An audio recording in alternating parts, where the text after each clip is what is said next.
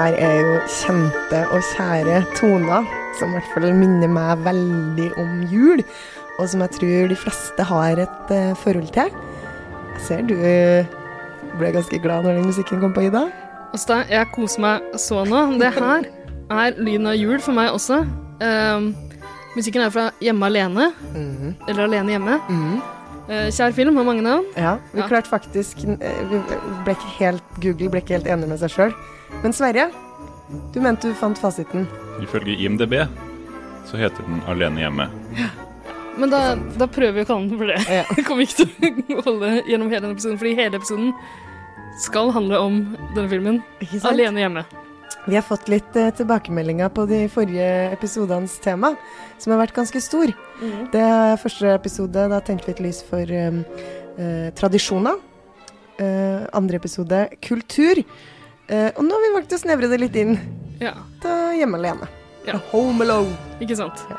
Vi har også fått tilbakemeldinger om at folk elska den episoden av uh, julekalenderpodkasten vi lagde i fjor, der vi uh, tilbrakte en time og, og tre kvarter sammen og snakka altså like lenge som Love Actually varer, omtrent. Med å snakke om Love Actually. Eh, Så vi måtte gjøre noe lignende i år, og valget falt naturlig nok på uh, Alene hjemme. Ja. Har du noe forhold til den filmen, Sverre? Ja, jeg ser den minst en gang hvert år, Mhm. vil jeg tro. Når da? Hvilken tid på året? I desember. Ja.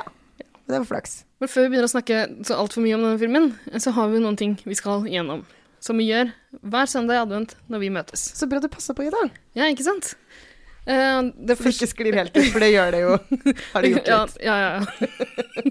Det beklager vi. Men sånn er det i adventstida. Det er Ja. mye å holde styr på. Ja. Altså, eh, kan ikke, kan ikke gjennomføre alt uh, som man vil. Man må bare uh, senke skuldrene og være jævla streng. Ha på stoppeklokka. Ja. Ja. Uh, vi må jo snakke litt om hva vi har gjort så langt i adventstida. For nå det er, det er tredje søndag i advent. Altså Det har gått så fort. Det har gått så fort som det gjør hvert eneste år.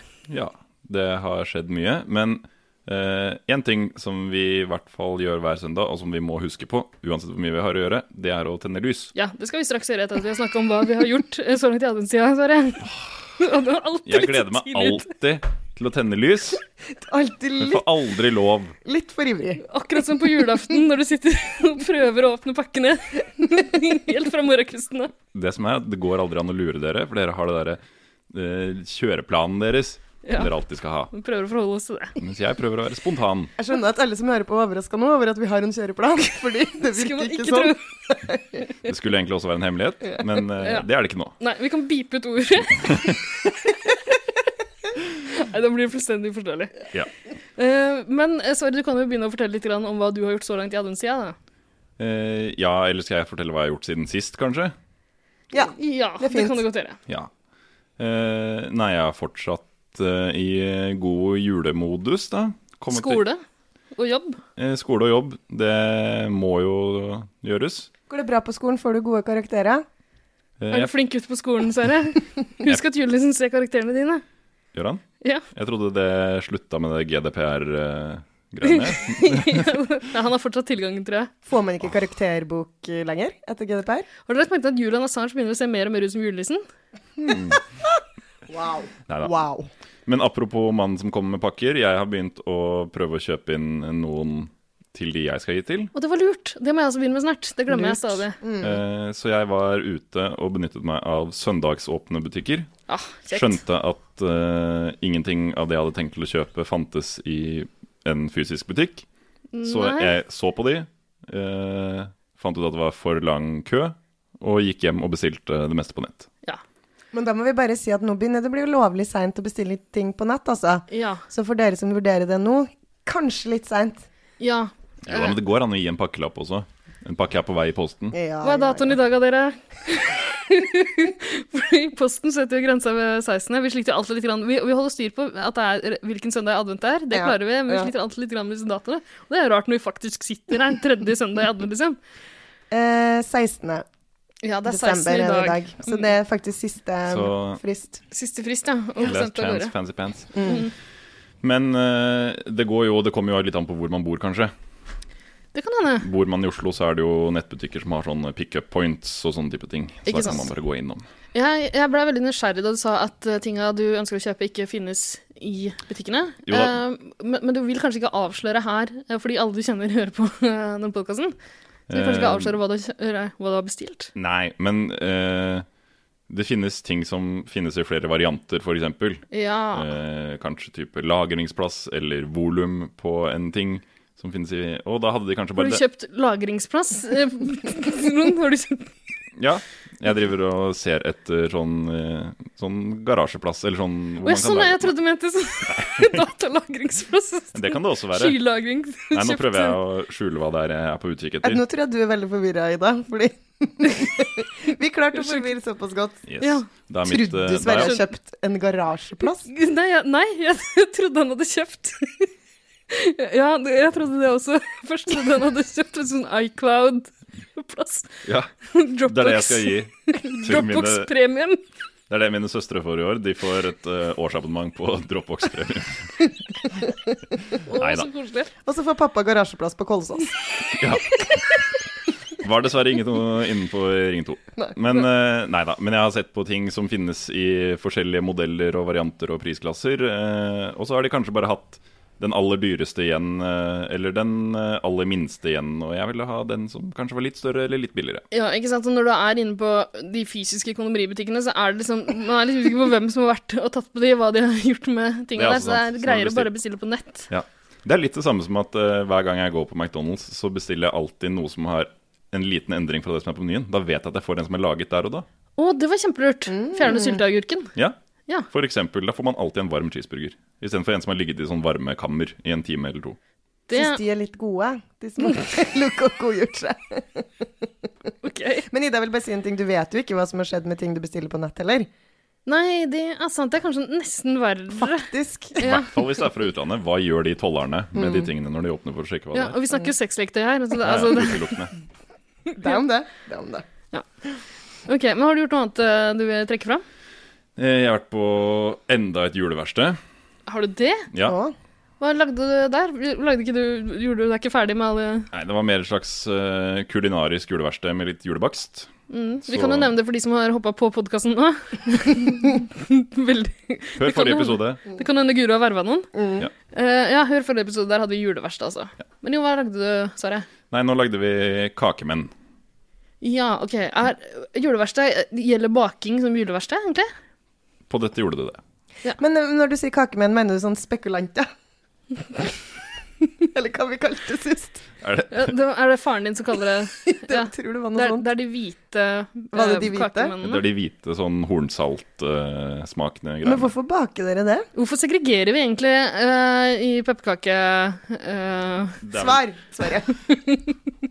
Nei, Ikke vet jeg, Den ene har vel pepper, og den andre ikke, da.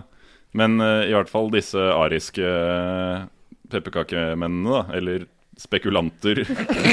Jeg tror kanskje Var det spekulasi? Spekulasi eller noe sånt. Ja, det stemmer det. Og du, ja. måtte, du klarte jo ikke å gjette hva det betød heller. Nei. Så du måtte det bare- Nei, vi lagde kakemenn, eh, og det var fordi det var en kompis av meg som hadde lagd eh, kakemenn-deig. mm, som ok, vi Han hadde et eget juleverksted hvor han lagde den. Ja. Ja. Og vi drakk eh, gløgg Ja. og koste oss. Men smaker, vi testa vi ikke de kakemennene i fjor, og det smakte helt forferdelig. Ja, det er ikke noe godt. De smaker vel ingenting? Hvorfor, eh, hvorfor skal du lagde lage det? Jeg Vet ikke det. Det var ikke jeg som fikk bestemme. Å nei. Jeg pleier å bestemme liksom uansett jeg, hvor jeg går. Men hvis du skulle invitert på eh, bakeverksted, Mm. hva ville du ha bakt da? Jeg ville ha valgt å lage brune pinner. Mm, klassiker. Colakake. Det er kjempegodt. Jeg tror ikke jeg smakte. Hvis jeg måtte velge en julekake. Det er kanskje en av de beste julekakene. Aldri smakt. Ja. Så vidt jeg vet. Det tror jeg ikke. Ja, men jeg syns Serena van der Woodsen-kakene er de beste. de som klemmer på med en liten gaffel og strør litt nøtter på. Ser Serena-kaker er veldig godt. Kjempegodt. Serena van der Woodsen. Men jeg har også bakt siden sist. Ja. Jeg har bakt eh, som jeg syns er på, på linje med eh, colakaka. Det er da kokosmakroner. Det syns jeg er skikkelig godt. Nei, det er ikke noe godt. Hæ? Nei. Det smaker jo akkurat sånn som det som er inni eh, kokostvisten, bare uten sjokoladen. Æsj, Åsne. Oi, Okay. Det er grusomt. Jeg syns det er supergodt. Det høres ut som vi burde dele Twist-pose. Å, man leter jo gjennom hele livet etter noen man kan dele Twist-posen med. Vi har funnet hverandre. Og så har du sittet der ved siden av hele tida. Ikke sant? Kan godt hende du liker de jeg liker òg. Jeg liker den lille firkanta med nøtten, jeg. Den liker ikke jeg. Ja, men herregud. For godt til å være sant. Lakrisen liker du. Eh, jeg liker den, men du kan få den også. Så hyggelig. Den unner jeg deg. Ok, men eh, Og så har jeg lagd en ting til, og det er brente mandler. Det er kjempegodt. Det er Intensjonelt godt. brente. Ja. Og det er Lager du bare vanlige mandler, du? Jeg prøver, men brenner det hele tiden. Jeg er som han eh, bakeren på Han som gikk på barne-TV, som alltid skulle prøve å bake sjokoladekake. Men så ble det alltid napoleonskake. Han kjenner jeg ikke til, du. Nei, Det er litt sånn som meg. Prøver alltid å lage vanlige mandler, blir alltid brente. Ja. Men det er faktisk en eh, spesiell prosess det å lage brente mandler, fordi det er så mange faser, og du tror aldri at det skal gå. For at Er det først mange faser? Altså, Må du ikke bare steke det i en stekepanne? Ja, men du putter, du putter mandler og sukker og litt vann eh, i en stekepanne. Og så skal alt smelte. Så smelter alt. Men så skal alt sukre seg til, Jaha. sånn at det blir sånn klump, sånn at det blir tilbake til sukker igjen. Fra smelta brunt sukker til eh, sånn krystallisert sukker. Og så skal det smelte tilbake igjen. Yes.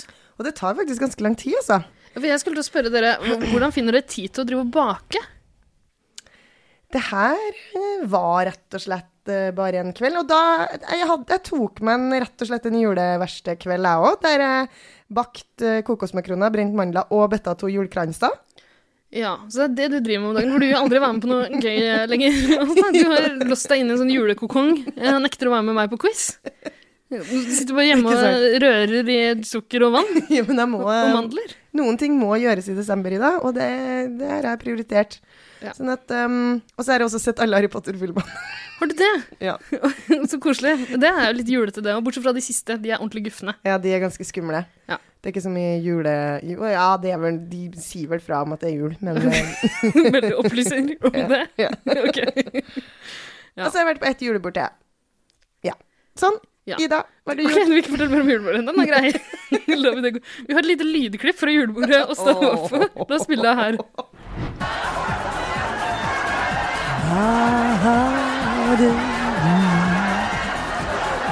Jeg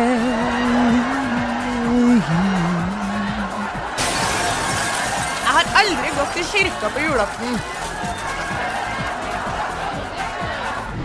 Tusen takk for den, Ida. Bare Um, hyggelig. Skjønner, er også- Når jeg hører deg, så skjønner jeg hvorfor du ikke ville at det skulle ut i offentligheten, men sånn blei det altså. Kanskje du vil dele noe nå? Jeg vil det, men før det så lurer jeg på én ting også. Hva har du fått i julekalenderen siden sist? I pakkekalenderen din?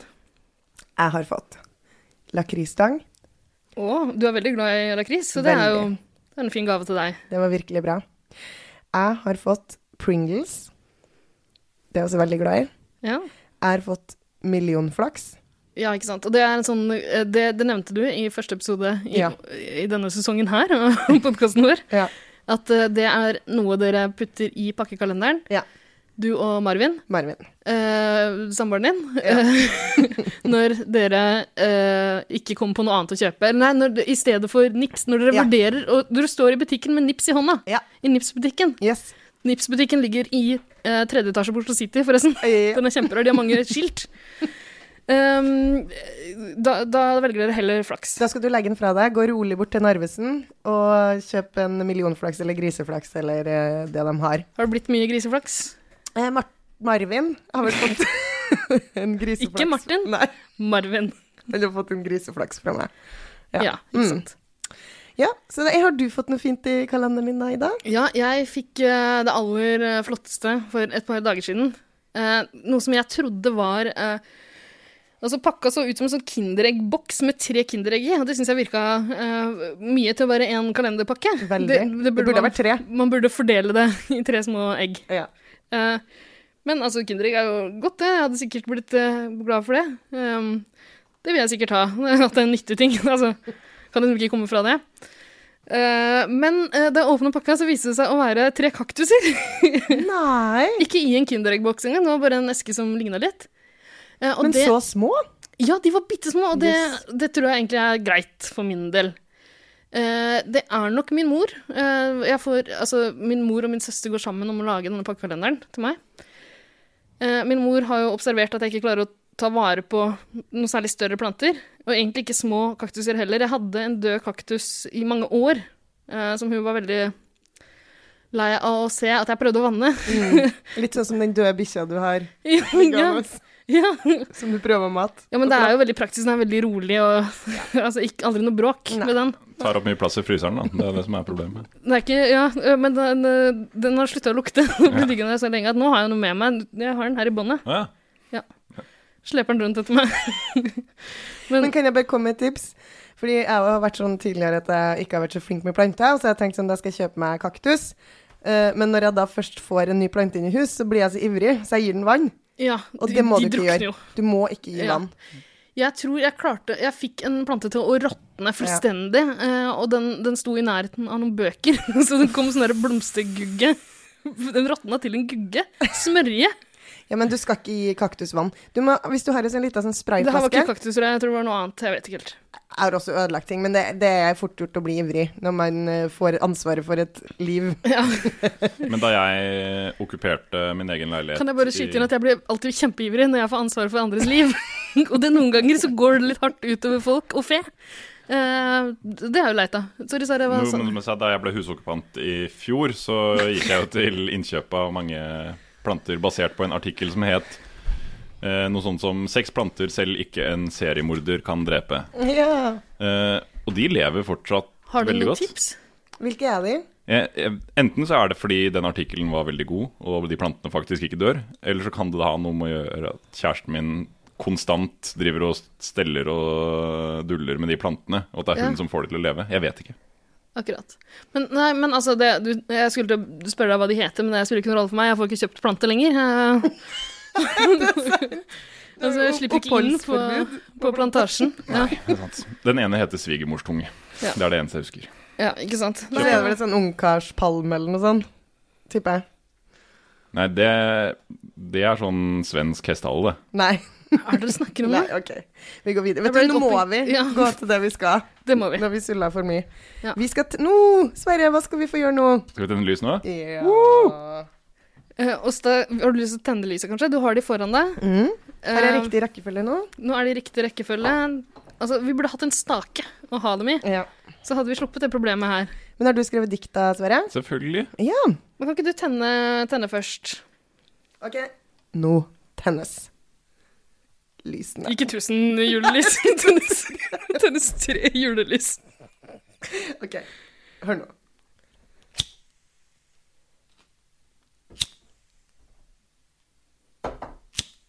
Nå dro jeg lighteren tre ganger for effektens skyld. OK, take it away, Sverre. Så tenner vi tre lys i kveld. De to første tente vi i tidligere episoder, som du kan laste ned i din podkast-app of choice. Det tredje tenner vi for hjemme alene. Det står og skinner for seg selv, for Harry, Marv og strykejern i hodet-indusert migrene. Så tenner vi tre lys i kveld. Det tredje tenner vi for hjemme alene. Guri Det var så flott. Du er altså en dikter, eh, Sverre. En ja, poet. Det er haiku, det her. Det Det er det, er det ikke. Ah, Men, eh, klarer aldri. Prøver hver gang. hver, hver søndag. Det er vanskelig å klemme inn et haiku liksom, i, i, det, i det Jeg skulle til å si det i, i det diktet som Er uh, det limerick, da? Eller det er, er, er, nei, det er jo ikke det heller. Altså, nå kalte vi akkurat en god dikter og poet, så ikke si mer nå. Jeg har min egen stil. Ja.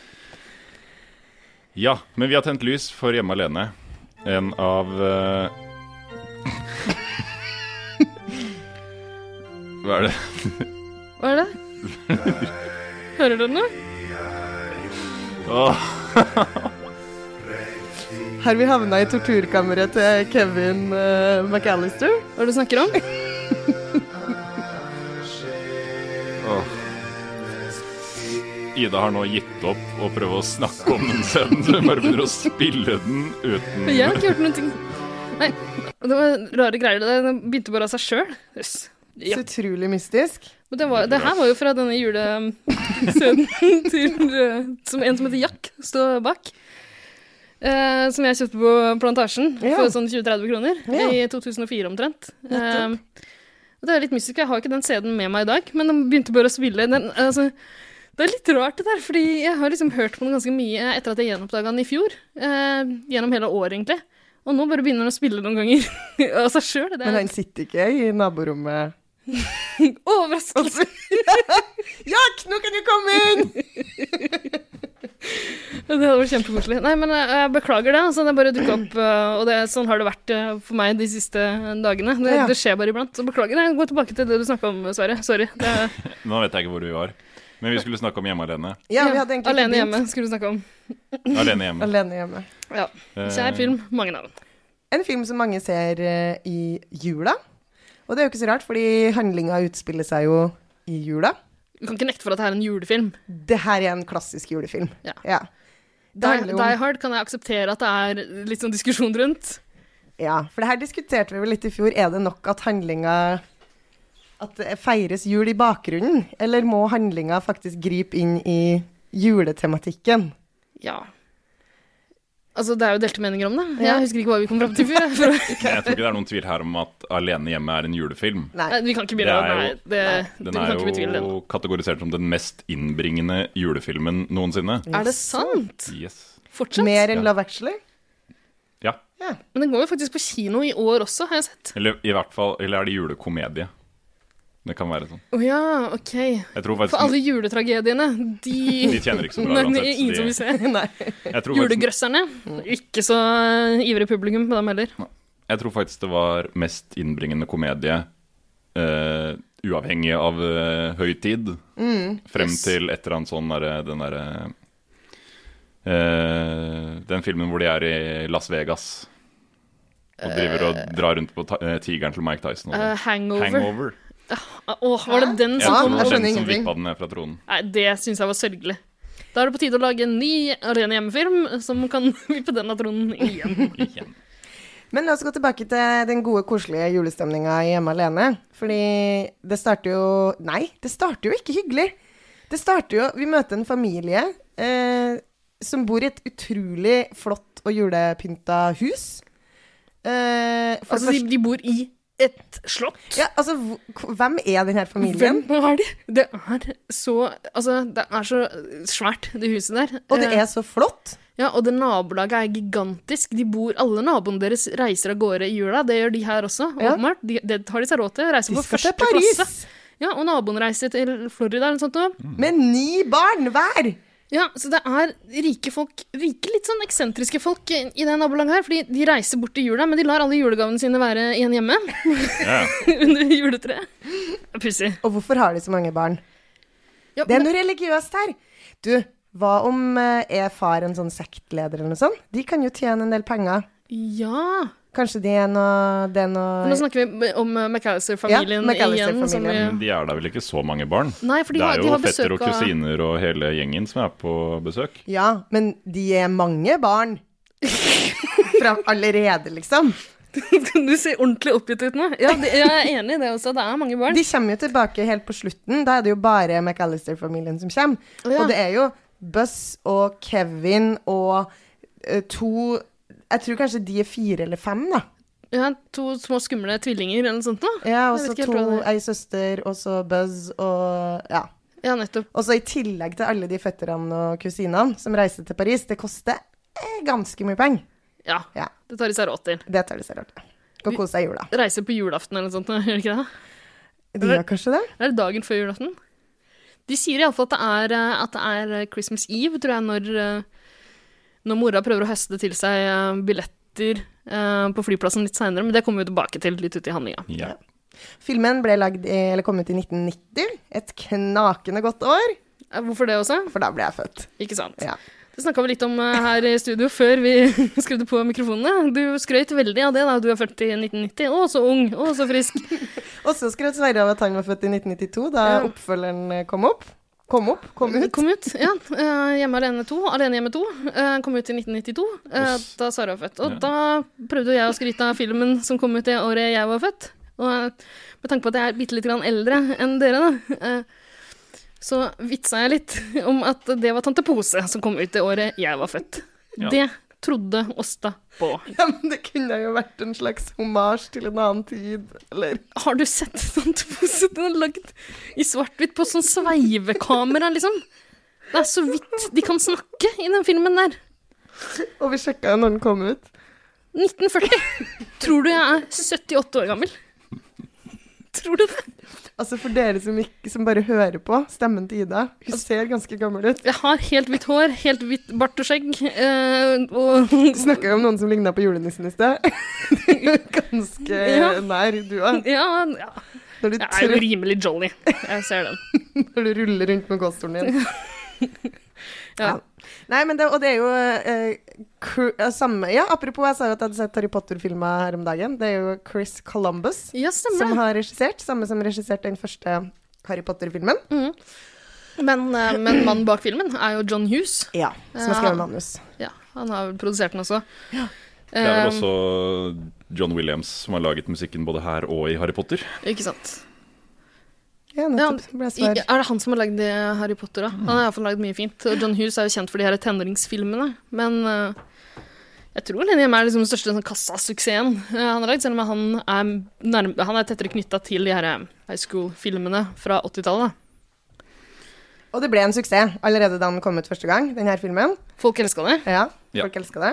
Mm. Også vi, da vi var små barn. Ja. Men nå har vi sett den igjen.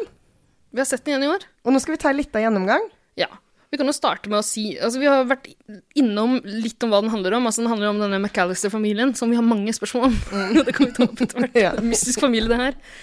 Men sånn i grove trekk så er jo det her en, en slags uh, sånn slapstick-komedie um, som handler om smerte. Uh, handlinga er lagt til De bor vel i Chicago, er det det der Ja. du bor? Ja. Ja. Uh, der, der følger vi en, en litt sånn sinnsforvirra, en liten foreldreløs gutt.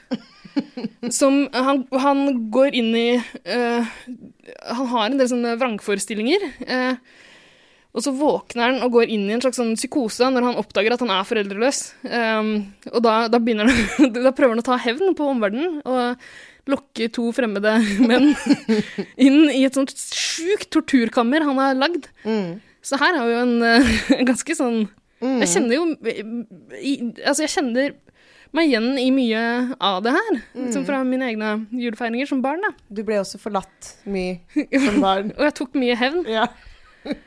Lagde mye feller.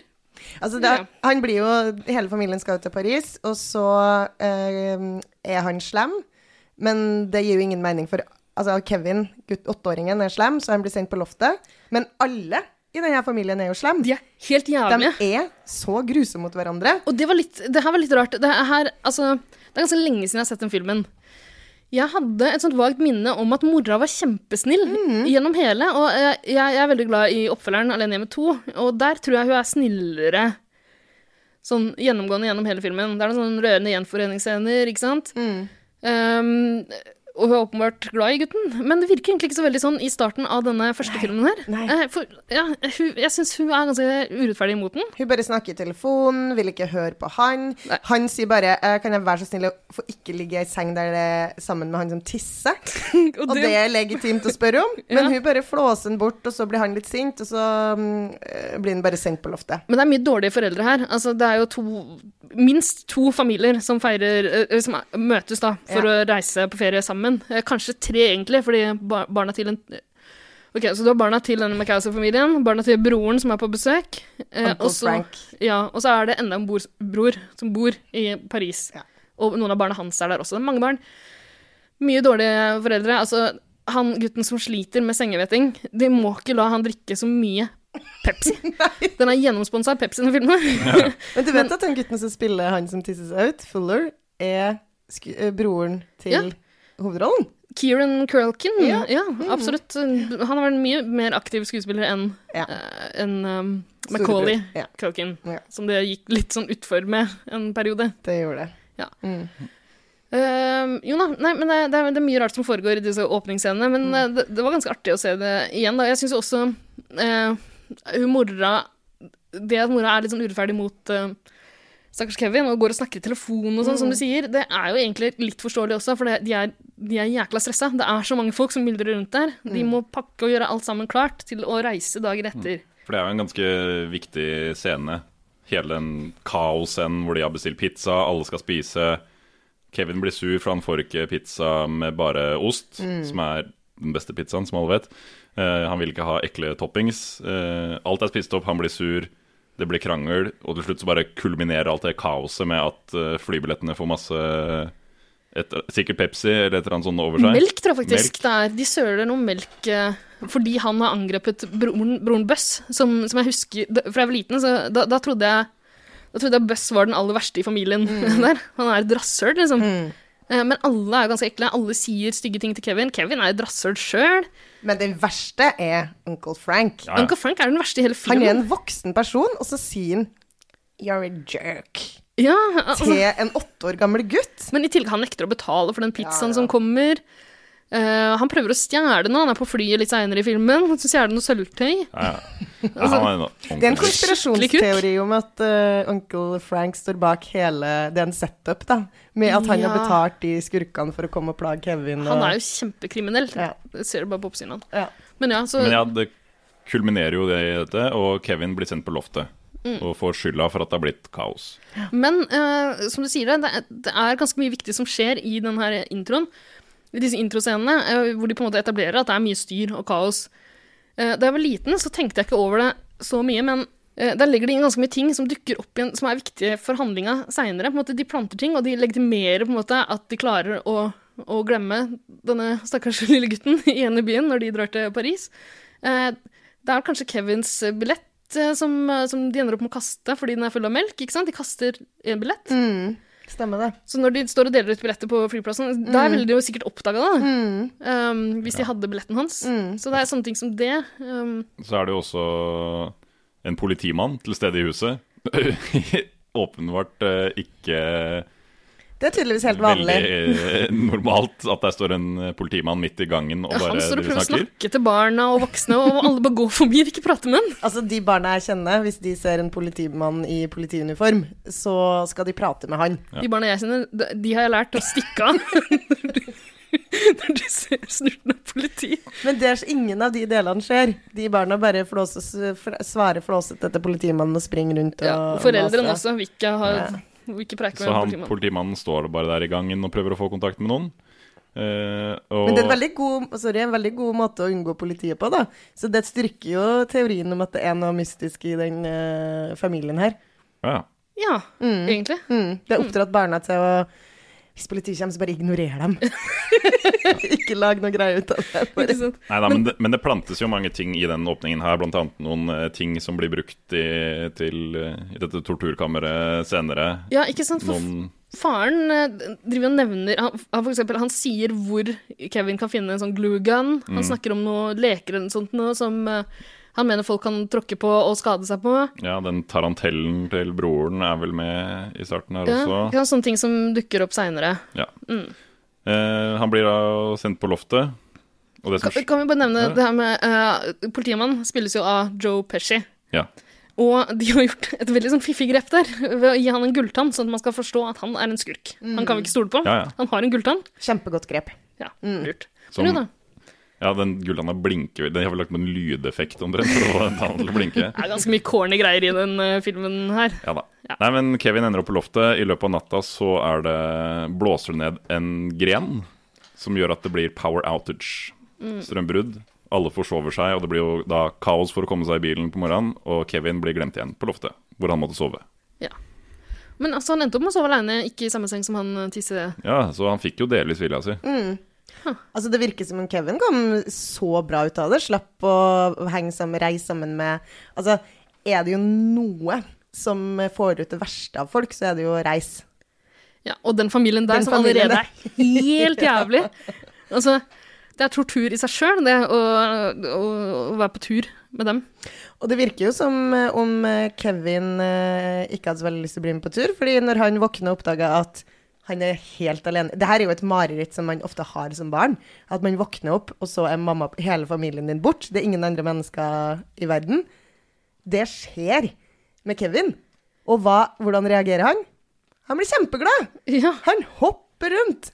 For det, altså, eh, han har jo Det siste han sa til mora si i kveld før, var 'jeg håper jeg aldri ser dere igjen'. Som den hyggelige fyren han er. Ja, hun som den hyggelige mora hun er, bare lukker døra, liksom. Og lar den trave av gårde opp trappa. Så han tror da at han har fått foreldrene sine og familien sin til å forsvinne, Mm. og benytter anledninga til å kose seg ordentlig i huset sitt. Ja, virkelig. Har vi et klipp eh, der? Ja, eh, det har vi. Vi har et klipp fra eh, der han eh, oppdager at familien er borte. Han går rundt og leiter litt rundt omkring huset, blant annet i kjelleren, som han syns er litt skummel. Der også får vi, vi, får, vi får se at han leker seg rundt i huset, og der også dukker det opp ting som dukker opp seinere i filmen. ikke sant? Han har en sånn derre Hva heter det? En pistol, sånn BB-gun, med sånne små, små greier som han kan skyte rundt med seinere, ikke sant? Ting som det plantes. Og så oppdager han at han er hjemme alene. Alene hjemme. I made my family disappear. Kevin, you're completely helpless. No, Kevin, you're what the French call les incompétents. Kevin, I'm going to feed you to my tarantula. Kevin, you are such a disease. There are 15 people in this house, and you're the only one who has to make trouble. Look what you did, you little jerk. I made my family disappear. Ja, altså her hører vi at um, Kevin går gjennom en liten sånn han, han, han får en sånn epiphany, holdt jeg på å si. Han, han starter med å være litt sånn betutta over at han, eh, han tror han har fått familien til å forsvinne. Ved å på en måte ønske seg det så knallhardt kvelden eh, i forveien. Eh, og så får vi høre eh, alle de grusomme tinga. Ikke alle, men noen av de grusomme tinga eh, disse familiemedlemmene har sagt han. Og det er jo helt forferdelig. Stakkars liten gutt. Eh, og, og så gjentar han det at han har fått familien til å forsvinne, og, og der der ser han ganske fornøyd ut. Og der, er liksom, han, der bryter de den fjerde veggen. Han ser rett inn i kameraet og liksom vifter med øyenbryna. Det er ganske corny greie. Nå gjør Sverre det til meg. Jeg blir litt uh, satt ut av det. Ekle greier. Ja, nei, men uh, grusom familie, ikke sant. Så da sitter familien på, på flyet. Ja. Uh, og det er vel der det går opp for mor at hun har glemt et barn. Ikke sant. Ja. For hun sitter og lurer på hva det er hun har glemt. Er, eh, jeg altså, Vi så- kjenner jo alle til den følelsen. Av at man har glemt et barn. Ja, jeg glemmer dem overalt. Eh, nei, men eh, eh, da, da jeg så den her det er, Som sagt, det er lenge siden jeg har sett den, så en ting jeg ikke har lagt merke til så mye tidligere, er at jeg syns det var litt rart at de forlot huset med lysa på og garasjeportene åpne og sånn. Eh, sånne ting ville jeg huska på om jeg reiste på tur Jo, men de dro jo i hui og hast, fordi de var jo alt kjempeforsinka. Det gjorde de, men jeg ville likevel skrudd av lyset sånn, tror jeg faktisk. Ja, Eller ville Ja. du telt barna dine ordentlig? Kanskje det også. Men det var jo en annen som telte. Det var Emma Claire Ja. som telte barna. Ja. Så dere det? Hun dukka opp i filmen? det som ligner veldig. Som driver og teller barna når de er på, på vei. Barnetelleren. Ja, og Ja. da, da er det en sånn eh, De teller jo feil pga. naboen. Det er en liten, ekkel nabogutt. Mm. Alle har hatt en sånn uh, kar i nabolaget som kommer bort og bare maser. Hva slags bil har du? Vi har sånn bil. Mm. Hvor skal dere på tur? Vi skal det. Uh, så ja, hun tar feil fordi hun ser bakhodet hans. Mm. Ja. Men nok om det. Um, men altså, de, de forklarer faktisk disse tingene ganske greit, at uh, lysene står på og garasjeporten er åpen. Um, faren sier jo til Joe Pesci, som er politimann uh, tidlig, han, han fort- forteller hva slags sikkerhets... uh, uh, hva slags opplegg de har gående. Ja. Um, og da sier han at de har sånne automatiske lys som skrur seg av og på. Kanskje det gjelder inne i huset også? Det kan godt hende. Ja, kanskje. Og når de sitter på flyet og mora tror at um, øh, hun, hun merker at hun har glemt et eller annet, klarer ikke å sette fingeren på hva det er, så, de frem, eller så foreslår faren at det kan være fordi han har glemt å lukke garasjeporten. Og når han fortalte alt det her sikkerhetstingeren til den her banditten, så innså jo også banditten at oi, det, de, det her er en familie som har et så stort hus. De har råd til å reise til Paris, hele gjengen. Og de har sånn automatiske lys. Hvem hadde det på 90-tallet? Det er jo helt absurd. Så han skjønner her er det noen vi bør rane. Så på hver sin kant, på ene kanten så eh, planlegger bandittene et ran, og på flyet så merker mor at det er noe. Gali. Gali. Galt. Men disse, disse bandittene uh, Nå har vi bare sett han ene så langt. eh, Joe Pesci med gulltanna. Uh, altså De framstår som ganske klønete folk, men det er jo en ganske fiffig greie å kle seg ut som politimann. Ganske, altså Han er ikke så overbevisende i rollen, men det er jo ingen som merker det fordi de er så stressa. Så han har tydeligvis banka på alle dørene, i, i nabolaget og sjekka hvem som skal være hjemme, og hva slags sikkerhets... Mm. Det er kanskje det smarteste de gjør i hele filmen. Ja, derfra går det bare nedover. Virkelig. Etter hvert så møter vi jo den andre kjeltringen også, og finner Marv. ut ja. Ja. For det er jo eh, Joe Pesci spiller jo Harry, og så er det Marv som er den Som ingen vet hvem som spiller. Daniel Stern. Ok, det vet du. Men det er jo en god duo, da, de to. Ja, ja. Ja, det er det jo. Og um, altså de, de er jo ikke de eneste de, de er ikke de eneste farene som truer i dette nabolaget. Nei, vi får jo egentlig først inntrykk av at det er en annen eh, antagonist i filmen. Litt fordi Buss, eh, den ekle storebroren eh, Og han er så ekkel. Ja, Litt fordi han sier, han, ja, han sier at uh, denne naboen eh, En altså, annen nabo som står og måker snøen ute, påstår vel at han er en sånn uh, Spademorder. spademorder. En seriedrapsmann med spade og salt som, som drapsvåpen. Yes. Han gjemmer likene sine i salt. Så han blir jo framstilt som en skummel karakter, og han er jo en litt sånn hengslete, gråhåra, lutrygga gammel mann. Han er det, og Kevin er livredd hver gang han ser han. Ja. Og, men altså, jeg også hadde vært redd, fordi han gjør denne gamle mannen han, han gjør en ting som bare skurker i, på film gjør. og kanskje i virkeligheten, det er jeg litt usikker på. Eh, når han kommer inn eh, Når han åpner en dør og trer inn, så stopper han opp. Han stamper med føttene og står stille litt. For han går videre, og da får vi bare se disse skumle støvlene hans. ikke sant? Ja. Hvem er det som stopper opp sånn? det første steget man tar når man kommer inn i en butikk. Godt spørsmål. Men Han har vel også en sånn litt skummel frakk? Har han ikke det? Er litt sånn mørkkledd og Ja, men det er jo kaldt, da. dystert fjes. Ja, han er gammel også. fjes. Det er litt uhyggelig, jeg vet det, men man blir gammel, og det er liksom ikke så mye man kan for det. Ja. Men eh, skal vi da Ja, og han får vi jo møte litt eh, senere. Han dukker jo opp eh, litt underveis, og Kevin er fortsatt redd for han.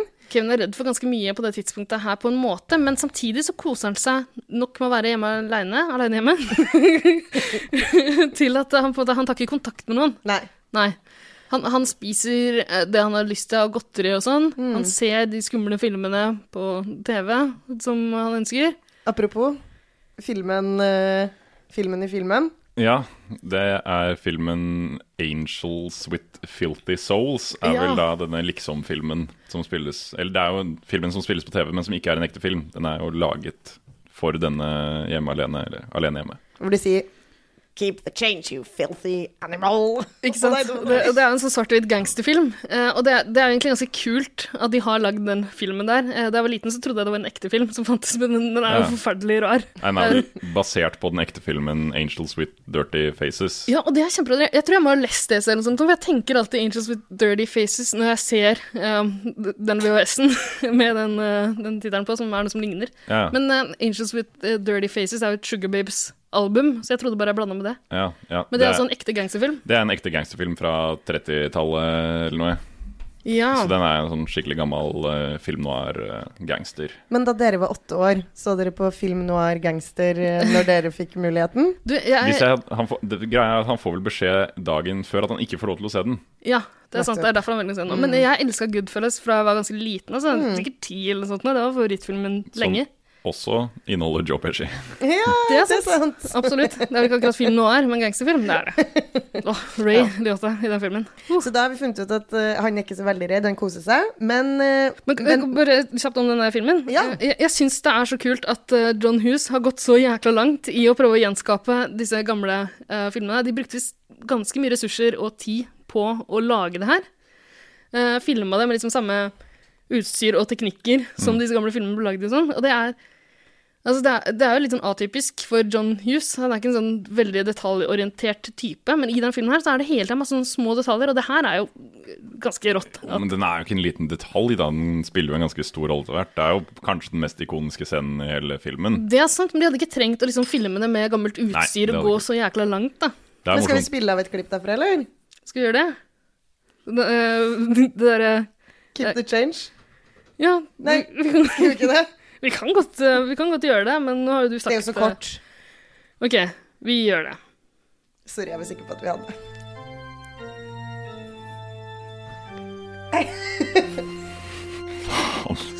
Orker ikke. Oi. Jøss, nå kom feil. Det her er ikke det klippet jeg har satt i gang. Så rart. Hva er det som foregår?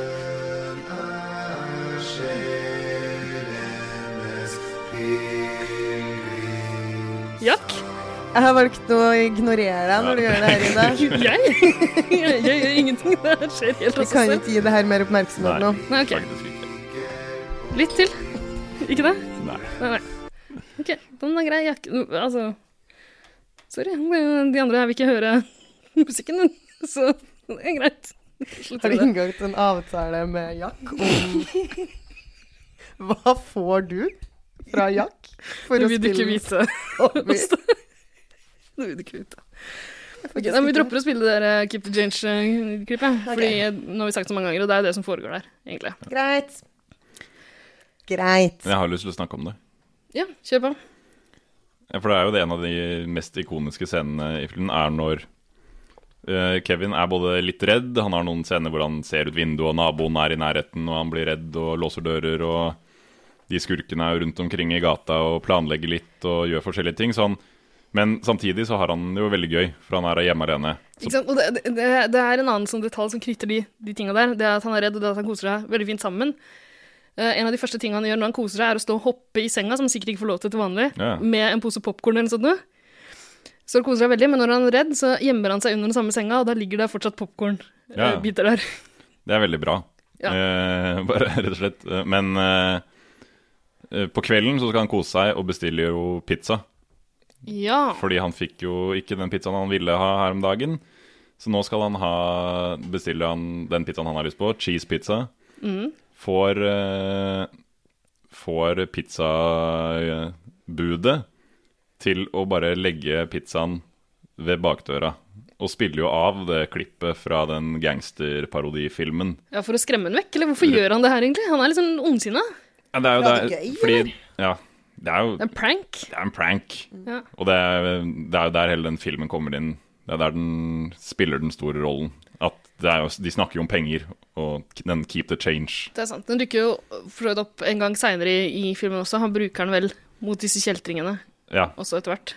For å ja, for Han må jo hele tiden skjønne at disse kjeltringene er eh, på ferde. At de planlegger å, å knabbe ting fra huset deres. Så i stedet for å ringe politiet, så, så prøver han å late som det er folk i huset.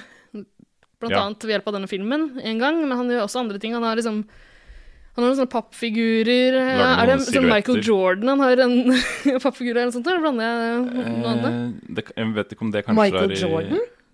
Han bor visst rett ved Kanskje Huset annen- hans er visst rett ved det huset som det her eh, ble spilt inn i. Da er det sikkert han. For jeg leste sånn fun fact om at um, det var veldig rart at de ranerne valgte å rane McAllister-familien når eh, Michael Jordan bor rett ved.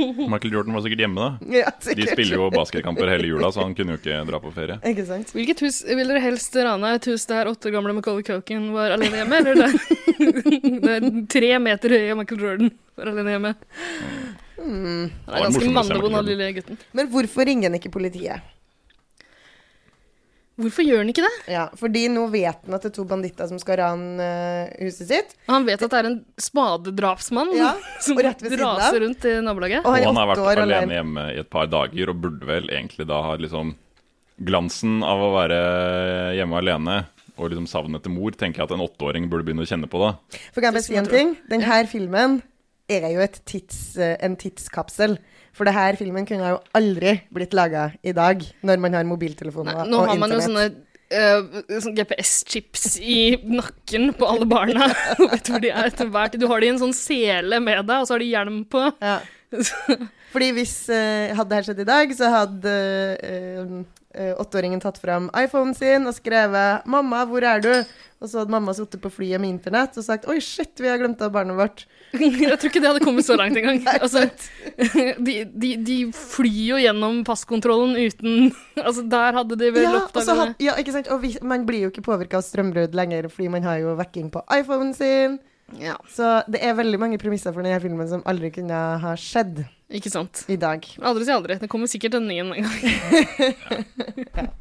Men, uh, men Sverre, det du snakker om der uh, Jeg syns også det er interessant at uh, han, han burde begynne å han burde ringe politiet, ikke sant? Han Ja, ja. burde prøve å kontakte foreldrene på et eller annet vis. Han er ikke så dum, den lille drittungen. Han er altså. åpenbart kjempesmart. Ja. Finner på masse morsomme ting. Han bør klare å kontakte familien i Paris også, tenker jeg. Han, ja. Eh, men Men det er jo litt sånn som eh, Ja, selvfølgelig burde han Men det er jo akkurat som hvorfor tok de ikke bare de dumme ørnene og fløy den ringen inn til Mordor med en gang Ja. i 'Ringenes herre'? Da hadde det ikke blitt noen film. Det er jo Men det er jo så mange sånne at politiet er så fraværende. Når uh, de oppdager, mor og far oppdager at uh, barnet er hjemme alene, så får de vel tak i politiet, og så kommer, kjører politiet bort, og så banker de på én gang, og så bare 'hallo', og så eh, gir ikke han seg til kjenne, og så bare drar de igjen. Mm. Er ikke det litt eh, Er ikke det litt dårlig jobbing av politiet? Jo, men de, de tar ikke hun på alvor i det hele tatt. Men uh, hun forklarer det jo ikke ordentlig heller. Hun driver og ringer det. Hun sier 'Barnet mitt er hjemme. Kan dere dra og se om han har det bra?' Og Det tror ikke jeg hadde tatt det så veldig alvorlig. Nei, men hvorfor ringer jeg ikke en gang til og prøver å forklare det på ordentlig? Ja, ikke sant. Nei, men hun er ganske desperat på det tidspunktet. Jeg vet ikke helt, jeg. Hun syns det er bedre å prøve å kave seg gjennom hele USA. Mora er jo idiot. Ja. Hele familien og faren også. Må skjerpe seg. De må skjerpe seg hele gjengen. Men jeg tror kanskje, kanskje, kanskje en ting som kan forklare det, at han ikke, ikke går lenger i å prøve å få hjelp, da, er at han kanskje Altså, han, han går jo gjennom en slags sånn forvandling gjennom hele filmen.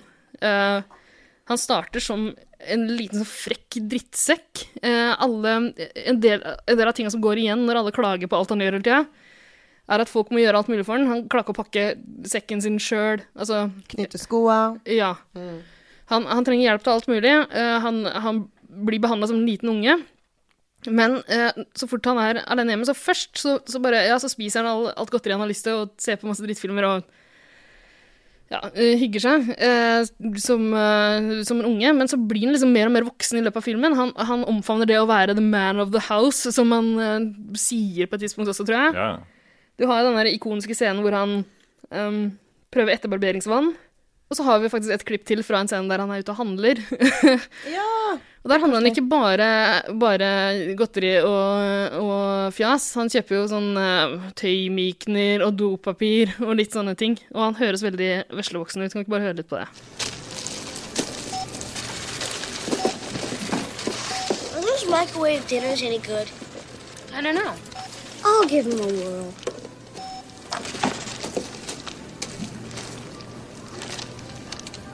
For the kids.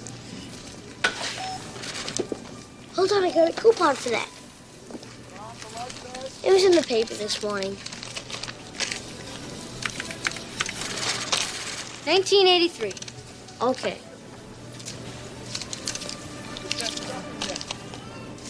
Are you here all by yourself? Ma'am, I'm eight years old. You think I'd be here alone? I don't think so. Where's your mom? My mom's in the car. Where's your father? He's at work. What about your brothers and your sisters? I'm an only child. Where do you live? Uh, I can't tell you that Why not? because you're a stranger. Altså, han er, ikke, han er ikke så dum. Han kommer seg unna det her når han fortsatt vil være aleine, på en måte. ja, ja. Han vil ikke si hvor han bor til en fremmed, hyggelig dame i kassa, men å ta imot to banditter som skal komme Det- med hjemmelagde feller. Det er han ikke redd for. Men jeg tror, Ja. han, jeg, tror, jeg tror han nyter den der ansvarsfølelsen han har fått. Da. Ja, ikke sant? Han føler seg mer voksen. Og eh, han, han overhører at bandittene har tenkt å komme til huset klokka ni eller noe sånt. De vet akkurat når de skal komme også. Eh, og og da tror, jeg tror han ser litt fram til det, og liksom klarer å hamle opp med disse kjeltringene på, på egen hånd. Og det er gøy at de er så presise, da. De kommer jo akkurat klokka ni. De er kjempepresise, men eh, ja. For alt dette er jo hele på en måte det der eh, mellompartiet mellom denne kaosscena i starten og fram til action virkelig starter med Uh, liksom kvelden for innbruddet. Eh, og i løpet her så skjer det noen ting. Han er alene hjemme, familien driver og soser rundt i Frankrike og får panikk og prøver å komme seg hjem igjen for å ja. komme Iallfall til mora prøver å komme seg hjem. Mora prøver å komme seg hjem igjen. Uh, og og det er liksom Det er én viktig ting som skjer før, liksom, før vi kommer til innbruddet, egentlig. Fordi eh, For det første så har han jo eh, det har vært innbrudd hos naboen. eh, Hvor han ser de tyvene og skjønner jo at eh, hans hus må være neste.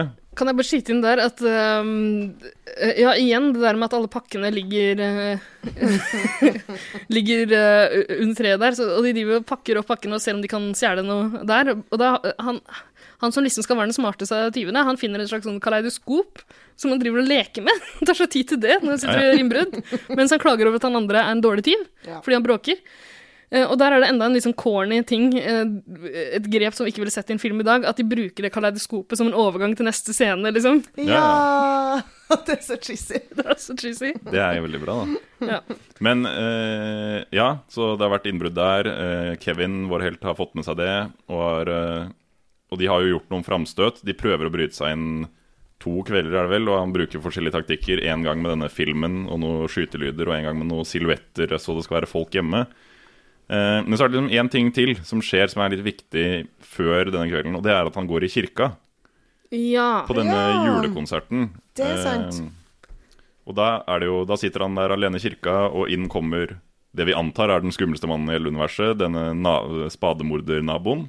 Som Skulle sett- du si denne naveren, fordi du syns det er de skumleste folka i hele verden? Nest skumleste øksemordere, spademordere Altså alle som bruker verktøy egentlig ment for praktiske oppgaver til mord, er skumle mennesker. Eh, Men han setter seg jo da ned ved siden av Kevin og viser seg å være en hyggelig, men litt uh, molefonken mann som har mistet kontakt med familien sin. Men seriøst, fyren er kjempeskummel. Altså, du har det der med støvlene som jeg nevnte i stad. Uh, men en annen ting som er veldig suspekt ved han, er jo at uh, når Kevin er på butikken for å kjøpe seg tannbørste, også et veldig sånn ansvarsfullt grep. Mm -hmm. Men eh, der, der labber eh, denne eh, skumle spademorderen, eh, antatte spademorderen, eh, inn og legger hånda sånn tungt på bordet, og den er blodig, med en sånn ekkel eh, gammel bandasje på. Hva er det han driver med? Men altså, hvis du driver med fysisk arbeid Han har vel skada seg, da? Ja. Sikkert Fysisk arbeid. Han driver og strør salt på veiene. Ja, salt tørker ut huden, det sprekker opp, det begynner er å det blø. liksom Jeg vet ikke. Det er kaldt ute, ikke sant? Kanskje han ikke har tilgang til Spenol? Jeg vet ikke. Nei, Jeg tror han er pensjonist, jeg. Mm, det tror jeg òg. Og sin egen vei. Men han kommer jo i hvert fall inn i kirka der eh, og viser seg å være en hyggelig fyr. Ja. En snill mann som har mistet kontakt med eh, om det er dattera eller sønnen, og derfor også barnebarnet eller noe, som synger i koret. da. Mm. Så han er der for å høre på konserten. Eh, og det er jo egentlig det siste vi ser til ham på en lang stund. Mm, Men da har vi fått etablert at han er Snill. Han er ikke så skummel, og det er en sånn ganske rørende historie der også. Um, I det at han har mista kontakt med familien sin. Det er litt sånn sårt. Jeg syns kanskje det er liksom Det er det mest rørende ved filmen her. Altså Drit i det her at mora savner ungen sin. Det er jo en konspirasjonsteori på det her òg. Det? At um, han uh, um, måkemannen Snømåkemannen, Spademorderen? spademorderen, uh, er Kevin som har reist tilbake i tid for å prøve å fikse Fordi at sant, Kevin hater jo familien sin i starten. Og så eh, er jo det man da tenker, er at han liksom ikke klarer å takle familien sin seinere. Og så reiser han tilbake i tid for å eh, liksom hindre at han mister kontakten med sin søvn, sønn, for å vise, eh, ved å vise det til Kevin når han er barn. Vet du hva, det her kjøper jeg. Jeg fullt og helt, det høres helt riktig ut. Men jeg har jo tenkt litt på det, for denne stakkars Kevin altså, Ja, han er en drittsekk i starten, men han blir jo skadd for livet her. Ja. Altså, For noen traumer han må sitte igjen i. Han, Ja, det er en oppfølger også. Ja, dere har sett den, så det er ikke noe spoiler å si. At uh, han, han blir jo forlatt igjen, på en måte, denne gangen i en fremmed by. Det er liksom, det er helt grusomt. Familien bryr seg ikke i det hele tatt og behandler som dritt når de, når de er til stede. Ja. Så eh, Det er altså- utrolig at det skjer igjen, faktisk. jeg har en sånn drøm Jeg går med en drøm om å skrive en eh, en, eh, en selvbiografi. en eh, roman eh, om eh, Kevin McAllister som voksen. Litt sånn som Johan Harstad gjorde Ja! om Albert Aaberg i Hesselby. Ja. Uh, for, altså, hvordan går det med denne karen? Ja. Det hadde vært interessant. Ja. Ja. Noen mener jo at vi allerede har fått svaret, men uh, ja. Ja. Mhm. Kan tygge litt på den. Nei da, men når vi har etablert at øksemordere, spademordere, den, han er snill Mm. Det er ikke noen øks, han er spademorder. Antatt. Han er snill. eh, og Kevin er jo da i gang med å rigge for eh, innbruddet. Forsvarsverker. ja. Fordi han vet jo at de skal komme. Altså, han På et tidspunkt så sier han noe sånn I have to def This is my house. Uh, I, had, I have to defend my house, eller noe sånt noe. Det er sånn uh, actionhelt-linje, Ja. da. Så han gjør jo om dette herlige forstadshuset til en borg av skumle Og det er gøy. traps. Hvor lang tid har han på seg til å få til alt det greiene her? Eh, jeg vet ikke. De har vel klippet det ned til en 45 sekunders sekvens. Tipper han brukte lengre tid. Han må ha brukt ganske lang tid. Ja, det er et ganske intrikat system. Ja. Og at den klarer å skjønne hvor, hvilken rekkefølge de skal komme her og der. Og Det er imponerende. Den er skikkelig smart. Ja. Veldig flink. Gutt. Flink gutt. Ja, veldig. Og liksom, for, ja, for det er sånn at én felle leder til den andre, og Ja, litt. mm, det starter på utsida av, av huset. Og det er ganske grusomme ting som faktisk eh, skjer med det, hvis vi skal ta en liten gjennomgang. Jeg tror bare vi nesten vi må starte, fordi det er det som er liksom For min del er det høydepunktet i filmen. Mm. Men når vi, eh, når vi først skal snakke om det her sjuke torturkammeret Ja. eh, Kevin og Mekka i eh, forstaden til eh, Chicago, eh, så kan vi kanskje tre ned i torturkammeret vi har Mekka. Ja, for vi har faktisk eh, Jeg og Ida kom litt tidligere i dag, eh, Sverre. Så vi, eh, Vi hadde litt plank og spiker igjen etter juleverkstedet forrige gang. så vi eh, tok rett og slett og bygde et lite torturkammer. Hvis du vil være med ned og se? Ja, Ja. Skal vi gå ned dit, da? Ja, det gjør vi. Åh, jeg kjenner det blir litt, sånn hus litt kaldt allerede, og mørkt. Ja, det er jo ganske mørkt her. Ja, Um, mye fukt på veggene. ja det er det. Er det Det syns jeg er imponerende at dere har fått til den der gammel eh, fangehullfølelsen. Ja, ja, Tusen takk. Vi har jobba hardt med det her. Ja, ja, ja. Her var det jo gipsvegger i går. Ja. Er litt forsiktig, for der henger et strykejern som uh, står på. Ja, og Som dere hører, så er det andre folk her også. Bare, å, så det ikke, du må ikke ta på noen ting, da. Det, da kommer det ting flyvende. Ikke ta på folk, og ikke ta på ting. Nei. Det er alltid en felle. Mm, Men ikke vær redd for folka som er der. De kan ikke ta på det. De er spent fast, de fleste av de. Hallo. Ser du? Hei. Hei. Hvordan går det med deg? Jeg har aldri trodd, ikke min villeste fantasi, at det fantes eh, så mye ondskap, så mye fordommer eh, i det norske folk og i Fremskrittspartiet. Ja, ja. Ja, men det får du tåle. Ja. Ja. Sånt skjer. Men hvorfor Ja. Hvorfor kom du hit, egentlig? Det skal vi komme tilbake til. Jeg har eh, ganske god dokumentasjon både på mail, SMS osv. Eh, og det er også slik at når man blir trakassert i det offentlige rom, sånn som Bahari har blitt i en rekke sammenhenger, eh, så skal det få eh, skrives ned i bok. Og så skal folk få lov til å gjøre sine egne vurderinger, for eh, vi skal komme bare med fakta. Eh, og da blir det artig å se reaksjonene. Ja, forståelig det, da. Ja. Ja. Ja, ja. Men hvordan blir dere behandla her nede, egentlig? Uh, jeg vil ikke si akkurat hva slags ord det er brukt mot meg, men jeg uh, har opplevd eh, rasisme mot meg. Ja, absolutt. Men eh, eh, jeg lir ikke av noe sånn hevngjerrighet i det hele tatt. eh, Men eh, vi, skal, vi skal sette ned våre ord eh, på et papir som er fakta. Eh, og der skal det også det komme. Oi.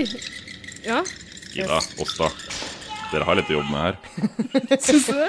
De har jo ikke tråkka på de der julepynten vi la ut i hjørnet der engang. Nei, ikke sant. Det har dere enda til gode. Bare Ja. glede seg. Ja, og de malingsspannene ligger fortsatt spent opp. Uten at vi skal foregripe eh, Skal vi gå opp igjen, kanskje? Ja, vi går opp igjen. Jeg ble så kald. Ja. Åh.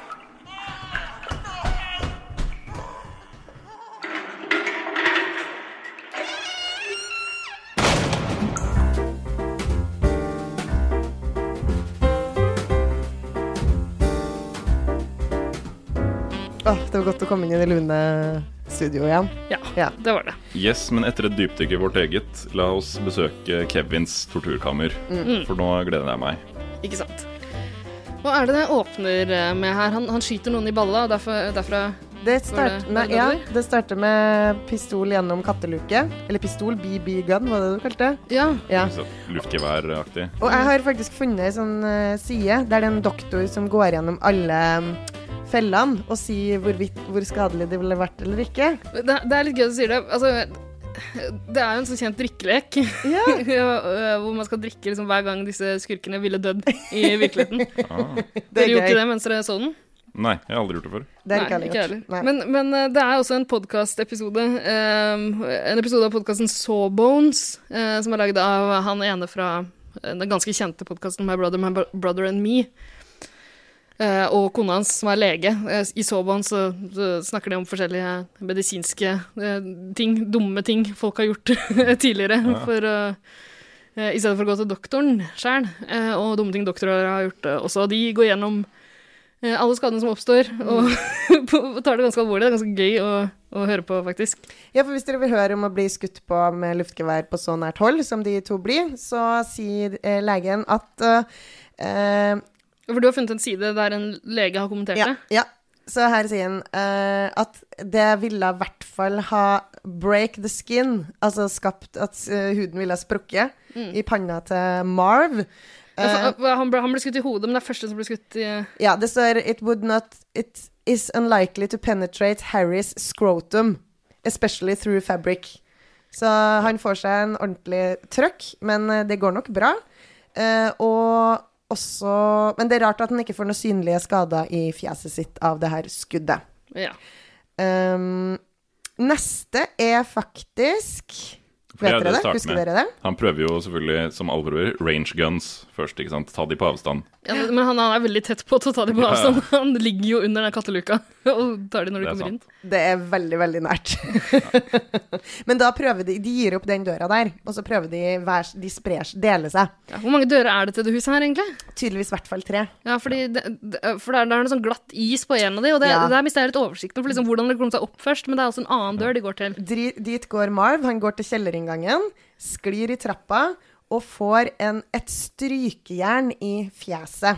Hvordan, for, hvordan, hvor, kommer strykejernet fra? Det henger eh, i Kommer ned en sånn uh, skittentøysluke, tror jeg. Så det er inne i huset? Ja, han, han, han har kommet seg inn Ja, han sklir ned kjellertrappa, og så går han inn i kjelleren, og så kommer det en sånn Ja. um, Der er strykejern. det det som ser ut som å være en sånn klassisk sånn liten metalltråd du drar i for å skru på en lampe. Ja.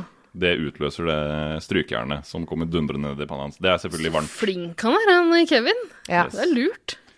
Så det er jo Men eh, så Marv ligger i kjelleren, er eh, og, Og det her, jeg må bare si at legen sier This is a serious impact With enough force to fracture the bones surrounding the eyes This is also known as a blowout fracture And can lead to serious disfigurement And de debilitating double vision If not repaired properly Ja. Så han må oppsøke lege umiddelbart. Umiddelbart Yes. Det gjør han ikke. Så han har vi der nede i kjelleren. Uh, Harry prøver seg på den andre trappa, som Ja, det er noe glatt der også, er det ikke den det? er vanna, så den er speilblank. Og Jeg syns det er ganske vondt ut, bare det. Altså, noe av det verste uh, jeg vet om, det jeg er mest redd for i hele verden Jeg er redd for navere. Uh, mye andre ting også, men jeg syns det er så skummelt det å bare falle sånn hardt bakover. ikke sant? Så Ja. liksom Miste grepet med den ene foten, sånn at du på en måte får mo momentum. Yes. med foten. eh. Som en svingstang, og bare slår eh, ryggen og hodet ned i bakken. Og slår lufta ut av deg det, Så Harry er vel opp og ned et par ganger før han kommer seg Og tryner stygt et par ganger før han kommer seg opp og får tatt i dørhåndtaket. Som, som er glødende, fordi det er varmet opp fra innsiden med en sånn elektrisk grill. Ja. Så, fordi det går en jernstang gjennom, så den er jo glovarm. Det er også ganske smart, altså. Ja, ja. Alt er smart. Vil dere høre legens diagnose? Ja. Altså, eh, for at en sånn doorknob, skal bli lysende rød, så må den være varma opp til ca. 751 Fahrenheit. Eh, og han der er jo, De holder jo veldig ofte lenge fast i ting som gjør vondt. Så han holder jo fast i den her i én til to sekunder. Um, og sammen, til sammenligning, da, hvis du holder noe som er 155 Fahrenheit, eh, så vil du få en tredje eh, grads forbrenning. Jeg liker at du er så godt forberedt, men du har ikke, du har ikke oversatt det her til Celsius. Nei, det er jeg ikke. 700 Fahrenheit er ca. Og det 400 er- Noen som kan det i Kelvin? Det er så Er det vidt Kelvin heter? Det tredje? Det er Kelvin. og det er sånn, det er ikke mange grader om å gjøre før hånda faktisk ville ha tatt fyr i den her varme, ved den her varmen. Men Kanskje det er derfor han ikke klarer å slippe den med en gang. Han må liksom brenne seg fast. Da. Ja, kanskje. Tro det henger igjen Men hvorfor tur, klarer han å få den av igjen da? Den burde jo vært smelta fast. For han får den jo av. Vi får se et sånt avtrykk. Ja. Et sånt brennmerke. Akkurat som om han var en, en ku M. i cowboyland. Men det her er i hvert fall Han ville Det står en M for McAllister, så de er jo griserike, Ja, er de folka her. De har liksom Sekt. monogram sekt, sekt. på Ja, det lukter sekt. Ja. Men han ville i hvert fall aldri kunne rørt den handa mer den kvelden. Den er, den er øde, den er maltraktert av varme. Ja, Men han lar ikke det stoppe seg. For han skal inn Altså, på det tidspunktet her, nå begynner det vel å bikke over i- fra at de har lyst til å rane Nå er vi på det tidspunktet at de burde vært slått ut. Så jeg vet ikke om vi trenger å ta legens Nei, nei, men, på alt her, men de Men er jo allerede egentlig slått ut. Deres motivasjon ligger ikke lenger i å prøve å knabbe ting. Nå skal de ta hevn på Ja. rasshølet Kevin. Ja, nå skal de drepe ham. Det er vel det som er målet her nå. Men bare den, apropos dreping, da. Neste, den er den verste. Vi må bare ta inn neste skaden, som er den verste. Ja. Og det er når han får en sånn flammekaster på hodet. Ja. Harry. Ja, jeg hørte Eh, I den der Sobans-podkasten så, Ja. så påsto hun eh, legen der at eh, hvis det hadde pågått så lenge, eh, så, så ville hjerneskallen altså, begynt å smelte. Ja, det er det han sier her òg. Han, og det han, han reagerer jo ikke ved å trekke seg bort, eller å, eh, som andre Som du gjorde fra mikrofonen nå. Han, jeg tror det er syv sekunder eller noe, han er, er under den flammen. Eh, noe som, ja, som Ida sa, ville ha fått uh, hele altså skallen til å smelte og bli ødelagt, og han Ja. ville ha dødd ganske umiddelbart. Ja. Mm. Ja, for det, da har han jo først uh, smelta hånda si, kommet seg opp trappa igjen, fått uh, dytta døra inn, fått smelt opp døra. Det første han møter da, er jo da en sånn blowtorch, en sånn propanflamme, Mm. ned i hodet. Det overlever han jo også på Det var den jeg magisk snakka om nå. Ja, ja. Ja. Men ser er har du merket merke det? Han driver og gjentar de tinga du sier? Ja, men jeg, Vi må finne ut hvor de er i skadeløpet her. Det er viktig, for det er en kronologi. Men altså, jeg, jeg går litt i surr, og jeg blander første og andre uh, Alene hjemme-filmen, så jeg syns det er fint at du tar en sånn grundig gjennomgang. Og samtidig så prøver jo da Marv å komme seg inn uh, vinduet, fordi han Nei, det er ikke, helt, det? ikke helt ennå. Det er jo Den jeg alltid syns så verst ut, uh, var eh, Etter Marv har fått et strykejern, så går han jo opp igjen trappa han har eh, sklidd ned, tror jeg. Hvis jeg husker riktig. Og, den- og den er men, men, men litt så etter det skrikeren, han prøver ikke å komme seg videre fra kjelleren da? Da går han ut igjen. Hvorfor går han ut igjen? Jo, for det er en spiker Ja, i, i døra. Har vi Nei, i, nei, det Ja, er men- den neste. Ja, for det er jo den han tråkker på. For han Ja. prøver å gå han prøver å gå opp igjen trappa. Men først så, så mister han skoa, fordi Kevin har forutsett at uh, han har helt ut noe tjære eller et eller annet som Med lim. skoa hans Hele, tra hele trappa er jo dekket i tjære. Mm. Eller sånn, nesten sånn asfaltaktig. Så han mister skoa og er dermed eh, Barfot. Ja. Og på vei opp så er det også da en spiker som står rett opp av trappa, som går rett gjennom foten. Og Kevin, det her er en velplassert spiker. Ja. Han vet, Det er bare én spiker. Det er helt utrolig. Han vet Helt akkurat hvor utrolig. han kommer til å sette foten, hvilket bein han går med, tydeligvis hvilket bein han starter med. Så han, han, han må jo ha ja, sånn som uh, kjeltringene har uh, scopa nabolaget og sjekka hvem som er hjemme, så har Kevin fulgt med på dem, åpenbart, og vet uh, om han er høyrehendt eller venstrehendt, og hvilken fot han starter med opp trappa. Denne Marv. Yes. Så nei, det syns jeg alltid så ut som den verste, å få en spiker rett gjennom foten. Den, den, er, sånn- Den huska ikke jeg engang. og Den er bare så grafisk. Jo, men jeg syns ikke den så noe ekte ut da jeg så den nå. Ja, for det ser ikke ut som han, han tråkker bare en halv centimeter ned. Du ser liksom ikke at spikeren stikker gjennom. Nå rekker jeg fingeren Du viser fingeren til meg også. Uh, right back at you. Ja. Jeg syns jeg husker at den bare liksom Han Kanskje det var jeg som har liksom fullført bevegelsen i hodet. Ja. Jeg bare ser for meg hvordan det er når den kommer opp på andre sida av foten. Ja, men hvorfor skulle den tråkke helt ned? Altså, Han reagerer jo ganske kjapt når han kjenner den. Du lar Ingen re de reagerer jo aldri raskt på ting! Det er konseptet her. Det er ingen grunn til at han skal reagere raskt på det. Det er sant. Men han kommer seg opp trappa, eh, både med spikerhull i foten og strykejernmerke i panna, og klatrer jo inn vinduet, Mm. som er neste åpning da, og lander barfot på knust glass. Ja, og det er den mest ondskapsfulle eh, eh, torturmetoden eh, Kevin har tenkt ut. Han har vel knust noen julekuler eller noe sånt? Eller er det Det er vanlig glass? knust, faktisk. Han Det er knuser vanlig- når han tråkker på Ja, det. det er det. Det er ikke Mm. knust glass, det er sånne julekuler. Ja, Altså, hvorfor, hvorfor har han ikke tenkt ut noe mer kløktig der, når han har klart så masse lure ting? Altså, han har massevis av spiker og greier han kan bruke. Jeg tror det er en hånd... Altså, eh, alt det andre er jo skikkelig farlige ting, og det her er jo ifølge doktorene det minst farlige tingen som Kevin gjør. Men det er vel en slags eh, honnør til alle som har tråkka på glassjulepynt i jula, og irritert seg fryktelig over at eh, barna ikke kan Hvem er det som har glassjulepynt liggende på bakken? Nei, men ikke sant, barna leker med Folk det. som er så rike at de har for mye av det. Ja, Så, ikke sant? Der har du det. Men nok en gang, altså, han kan jo bare slutte å stampe rundt der, men han gir seg ikke og tråkker og tråkker og tråkker videre, Nei så det må begynne å gjøre ganske vondt etter hvert. Her skal det ikke slutte å stampes, mm. fordi de skal stampe mer. Men, du, men igjen, jeg skjønner ikke helt hvorfor han, eh, etter at han tråkka på den spikeren i trappa, hvorfor fortsetter, han kan fortsette opp trappa hvis altså, det, er bare en omvei å gå ut igjen opp den glatte glatt- glatte trappa på utsida, og så inn vinduet. Ikke still så mye spørsmål. det er veldig mye man kan stille spørsmål her.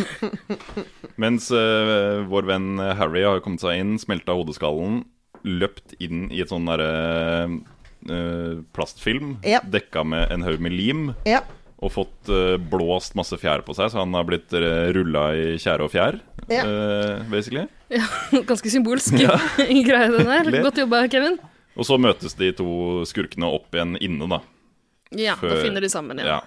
Og da er det jo en av de som også er en Som du snakket om i stad, dette som vises i introscenen. Alle leketøyene som ligger slengt utover. Mm. For neste er jo at de snubler på noe leke... Er det, er det klinkekuler eller er det lekebiler eller noe? Og går Mm. rett på ryggen. Lekebiler er i hvert fall blant det. Ja. Mm. Og den er lei. Ja, men igjen, det er så stor forskjell på, på de fellene han har lagt ut. Noe som er liksom blowtorch og strykejern i hodet og sånne ting, og så noen som leker her og julekuler der, liksom.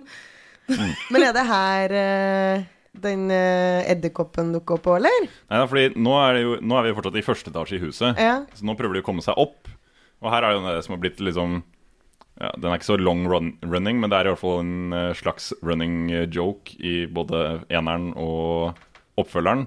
eh, at på vei opp trappa så svinger det da ned to malingsspann. Ja. Perfekt kalibrert og treffer hver sin Ja. tyv rett i ansiktet. Ja. Igjen, han vet akkurat hvor i trappa de kommer til å gå, Ja, ja. hvilket tidspunkt de er der på. Altså, Og i toeren skjer jo dette igjen, bare litt mer sannsynlig, for da er det et sånn jernrør eller noe som er like bredt som trappa. ja, som nettopp. kommer og Så der tar vil begge det to. knokke ut begge, med mindre de dukker. Eh, men det er jo, ja, så det er jo Det gjør det kanskje også, så får de inn i bakhodet eller et eller annet sånt. Yes. Og så utrolig farlig og skadelig å få to fulle malingsspann Ja, har du gitt opp litt det, å fortelle hva legen syns? Ja, Sverre gikk lei. Men Nei, eh, akkurat den der er akkurat også den tror jeg er ganske dødelig. Den ville ha knust masse skalle og ansiktsbein. Ja, for vi må anta at de er fulle, de, de morningsballene her. De er tunge. Ja. De kommer i høy fart.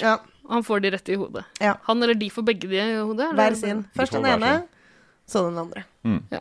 Mm. Og så kommer edderkoppen. Eh, ja Det er du som sitter med lista, ikke du? Nei, jeg har ikke noe liste. Jeg har bare de verste ja. skadene her. okay. Ja. Nei, altså, jeg tror det er edderkoppen eh, som eh, Mens de ligger der, så kommer plutselig edderkoppen og kravler på fjeset. Får de tak i Kevin uh, på et tidspunkt der? Og så klarer han å liksom Ja. lokke den Eller han Ja. tar Ja. edderkoppen og plasserer den på det, eller noe sånt. Det som skjer når de kommer opp trappa, så snubler uh, Harry Mhm. i en sånn tripwire som er spent opp. Yes. Går på snørra og blir helt slått ut. Mens eh, Marv får tak i foten til Kevin, som er på vei opp på loftet. Ja. eh, er vel greia. Ok. Men eh, den edderkoppen, den, Den- tilhører jo Buzz. Mm. eh, denne gufne storebroren med Playboy-blader og Mm. en egenrådig type som ikke vil la Kevin gjøre noe som helst med tinga på rommet hans. Mm. Så Kevin har jo kost seg på rommet eh, da han oppdaga at han var alene hjemme. Ikke hjemme alene, alene hjemme. Eh, og eh, en av tingene han gjør, er at han kravler opp på, på noen bokhylle eller noe sånt nå, og ramler ned derfra. Så han pådrar seg noen skader, han også. Det, Er ikke det litt vondt også? Det vil jeg tro. Eh, men jeg tror det er der denne edderkoppen klarer å rømme. Han klarer å velte eller knuse terrariet eller Velter vel hylla idet han klatrer opp Hele hylla rasende. for, for å hente okay. Buzz Life Savings, som Ja. står på Og da, da, blir, da kommer edderkoppen seg ut av det terrariet, og den kryper Man ser den liksom rundt omkring i flere, I flere, scener, men det er her den gjør nytten sin, da. Ja, og det som er greia, er at det er vel en av de få tingene Var det stemmeskifte? Så det kom plutselig. eh, Det er en av de få tingene som ikke er planlagt. Ja. Fordi Kevin er på vei opp på loftet og blir huka tak i. eh, ser da denne edderkoppen og får kasta den i ansiktet på Marv. Så utrolig kjekt, da. Han har jo planlagt alt så møysommelig, men han må ha litt flaks, Litt eh, flaks han han ha. også. Apropos flaks, Åstein, du klarer å åpne øl uten åpner. Kan du åpne den for meg? Ja. Den scenen med den edderkoppen ble visst uh, Var visst uh, Den ble gjort på en one, altså en one take. Altså uh, fordi han eh, som spiller Marv, som ikke ingen visste hva het, men du som Ja, du kan spørre tilbake og høre navnet hans. Sverre sa det. Jeg spør tilbake mye enklere enn at Sverre sier det igjen. Han heter Daniel Stern. Ja, ok. Heter han Daniel uh, Daniel Nei, hva, hva heter hun Hun uh, uh, husmorpornoforfatteren? Daniel Steele er det. Ja. Ikke Daniel Stern. Nei. Nei. Kanskje, er han broren til Howard, kanskje? De har litt sånn krøller, Antageligvis. krøllete- Krøller eh, Ja, krøller på begge. Men han sa i hvert fall ja til å ha, spille inn den scenen med en ekte sånn eh, stor edderkopp i fjeset sitt. Ja, naturligvis. Men han, bruker, han ville bare gjøre det én gang, Herregud. så det ble en one take. Kan Og han, er han så kravstor? Og han kunne ikke, han kunne ikke hyle på ekte, for det ville ha skremt edderkoppen bort. Hvorfor skal han hyle? eh, fordi han har en edderkopp i fjeset. Ja. Så han hyler det vi ser i filmen når han ligger med edderkoppen i fjeset, så hyler han lydløst, og så har de lagt på hylet etterpå. Litt Ja. av fun fact. Men han kunne ikke hyle fordi da ville, da ville han angripe?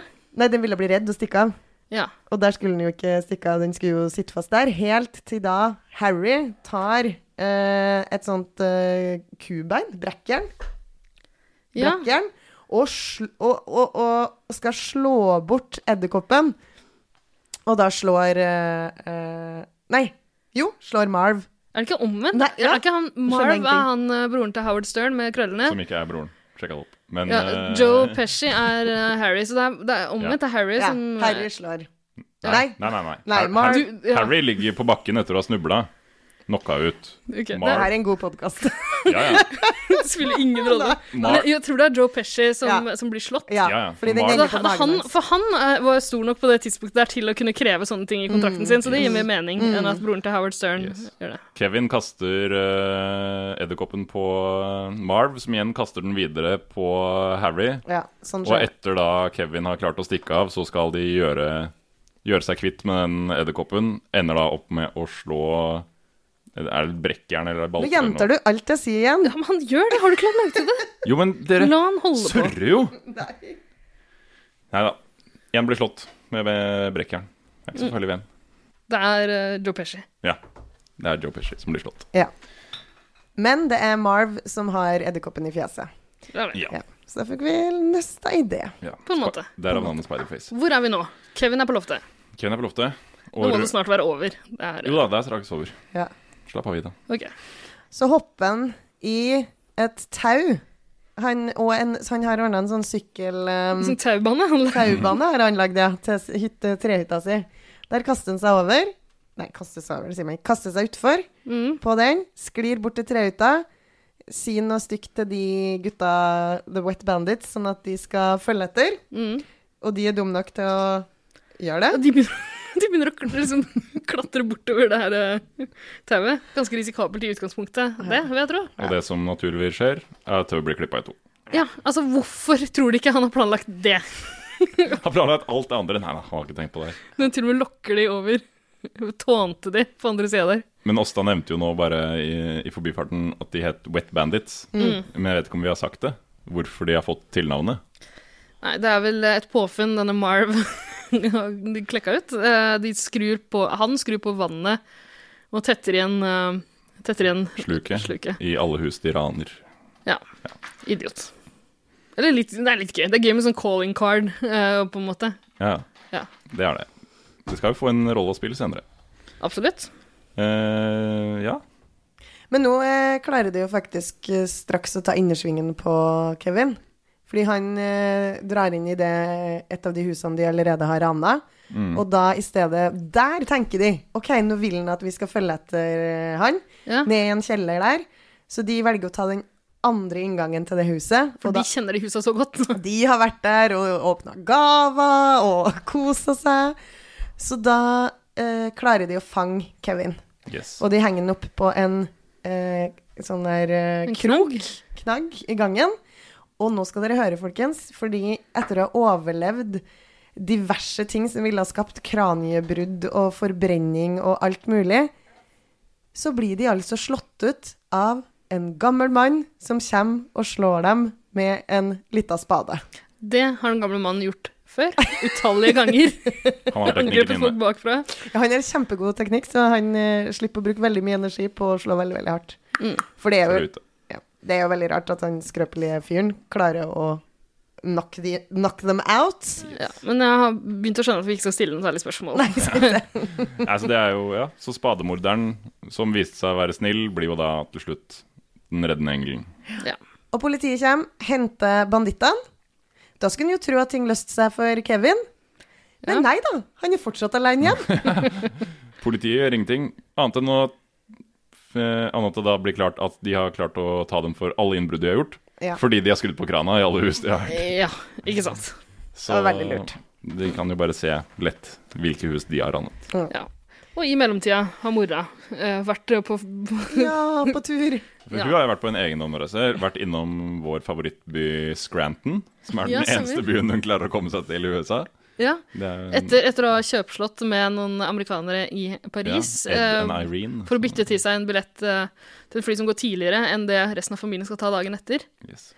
Eh, hun vil hjem til sønnen sin plutselig, som hun har innsett at hun er litt glad i likevel. Eh, og hun prø og der, viser det seg igjen at hun har masse penger. De har uh, first class tickets, og hun har noe uh, klokker og juveler som uh, Ja, de er well Sel off. selv om hun sier at Jeg tror hun avslører at klokka ikke er en ekte Rolex. Så hvorfor, de, hvorfor hun ikke har brukt Hvorfor har vært gnien på den fronten? Det er litt sånn spesielt. Men så hun kommer seg til Scranton, der The. Office-kontoret ligger. Yes. Eh, møter dessverre ingen fra The Office, men møter Gus, som er polkakongen av The Midwest. Ja, spilt av? John Candy. Ja. Ja. eh, det er en litt sånn rar cameo. Eh, ikke så morsom sånn egentlig, er det det? Men det er ikke så lenge siden han død, død, eller? Er ikke det ganske lenge siden? Å ja, ok. Jeg vet ikke. Ja. Skal du sjekke det? Det er enten ikke så lenge siden, eller ganske lenge siden. Jeg tror det er ganske lenge siden, ja. Ok. Eh, og får da haika opp til Chicago. Med et polkaband. Ja. Man skulle tro det var mye mer sånn polkamusikk og sånn på ferden. Utsettes du for det i noe særlig grad? Nei, det er, jo, det er noen poik, Ja po, ja. polka-versjoner av noen juleklassikere som dras i Ja, baksetet. ja, det har jeg fortrengt, det. Men der også, der, eh, og der snakker hun om at hun har glemt sønnen sin. og så får vi en litt sånn unødvendig scene der John Candy forteller at de er skikkelig dårlige fedre, de som sitter i bilen også, så Ja. du trenger ikke å ha så dårlig samvittighet. Altså, hva, hva, hva betyr, hvorfor har de lagt inn det greiene her? Ja, bare fordi de har fått tak i John Candy, som var en ganske stor stjerne. Eh, og, og vil melke han litt, hvis det er innafor å si det. Melke John Candy i en van. Kommer seg i hvert fall hjem igjen eh, og finner sin sønn i et hus som er urovekkende ryddig og pent. Ja, han har stått på! Og- altså, for det her må være dagen etter, eller? Han har brukt Ja, han hadde vel ikke noe annet å gjøre? Han har rydda rydda. opp og forhåpentligvis fjerna alt det glatte og øh, altså isen og alle fellene han har lagt rundt omkring. Men han har åpenbart ikke Altså, det ser jo helt fantastisk ut i stua når mamma kommer hjem. Du, det er Men så koselig. kommer- Han har jo pynta huset noe voldsomt til jul, men han har sovet med juletrelysene på, og det øh, har jeg hørt rykter om at man ikke skal gjøre. Ja, jeg pleier iallfall å skru de av når Jeg jeg jeg legger jeg meg. Ja, ja. Men altså, når det ser så strøkent ut i stua, så er det jo litt rart at når storebror Buzz kommer hjem, så er han ikke klart å rydde på rommet til Buzz. Det er litt merkelig. Men det er, det er først en sånn rørende gjensynsscene der mora kommer hjem og sånn, men hvor rørende er det egentlig? Jeg vet ikke. Ingen som bryr seg. Men ja. han, han sier vel også at ingenting har skjedd. Ja, hvorfor Jeg hadde vært kjempestolt. ja, Hva tror du? Jeg har fanga noen kjeltringer, mamma. Ja, det ville jeg i hvert fall når du ikke har rydda rommet til Buzz, så ville jeg kanskje skyldt på bandittene. Ikke sant? Veldig rart. Si at de, Ja, men- si at de klarte å ta de savingsene til Buss, liksom. Men du, ja, hvorfor Det er interessant. Hvorfor har han ikke rydda det rommet? Nei. Og hva, hva skjedde med den uh, tarantellaen? Nei. Får vi ikke se den Nei, det får vi kanskje ikke. Vet ikke. Nei, det er ikke noe sånn avslutnings... Apropos uh, tarantella uh, Det her har ikke noen ting med noe annet enn tarantella å gjøre, men uh, kjenner du til artisten Torgeir Valdemar? Ja. Ja. Jeg kjenner en som jobba i en platebutikk, og kunde komme inn og skulle ha plata til Torgeir Valdemar eh, da den kom ut og fikk god kritikk. Eh, men det han ba om, var ikke Torgeir Valdemar, det var Tarantella Wolf. Husker ikke navnet, men trodde han het Tarantella Wolf. Det er et godt Er ikke det det artistnavn. sjukeste artistnavnet? For Tor vet, Torgeir Torgeir Valdemar det her? Hvis han skal gjøre karriere i utlandet? Han hører antageligvis på. Ja, ja. Hele landet sitter og koser seg med Mm. førjulspodkastene våre nå. Da vil jeg plukke opp det tipset, Torgeir. Mm, Det- bare skifte navn Ja, ja. umiddelbart. Yes. Absolutt. Men da har vi faktisk runda. Skal vi det er vel sånn det slutter. At uh, bror skriker Ja. Kevin etter å ha funnet uh... rommet sitt trasha. Ja. Takk for at du gjentok det, sa Jens. Du påpekte ikke at han ropte Kevin. Det var viktig å få med. For det er jo lignende avslutning på Alene hjemme 2, med fare for spoilers. ja, det er faren som roper det. Men det, det, det slutter jo faktisk ikke der. Man går jo videre til Hjemme alene 2, eh, og så til 3. Og så til fire. Så til fire. Men altså, det er Alene med én og to som, ja. uh, som er de McCannon. Ja, jeg vil jo tro det. Eh, Jeg velger iallfall å prøve å glemme. eh, De neste iallfall. Men De bytter ut skuespilleren blant, annet. Ja, for den, eh, den tredje kommer mye seinere enn nummer to, som jeg tror kom to et år etter mm. den første. Uh, Macaulay Culkin eh, spiller i begge. Uh, mens i den tredje en ny, helt anonym unge som ikke er så sjarmerende i det hele tatt. Og der har de også prøvd Igjen, det har gått, det har gått noen år.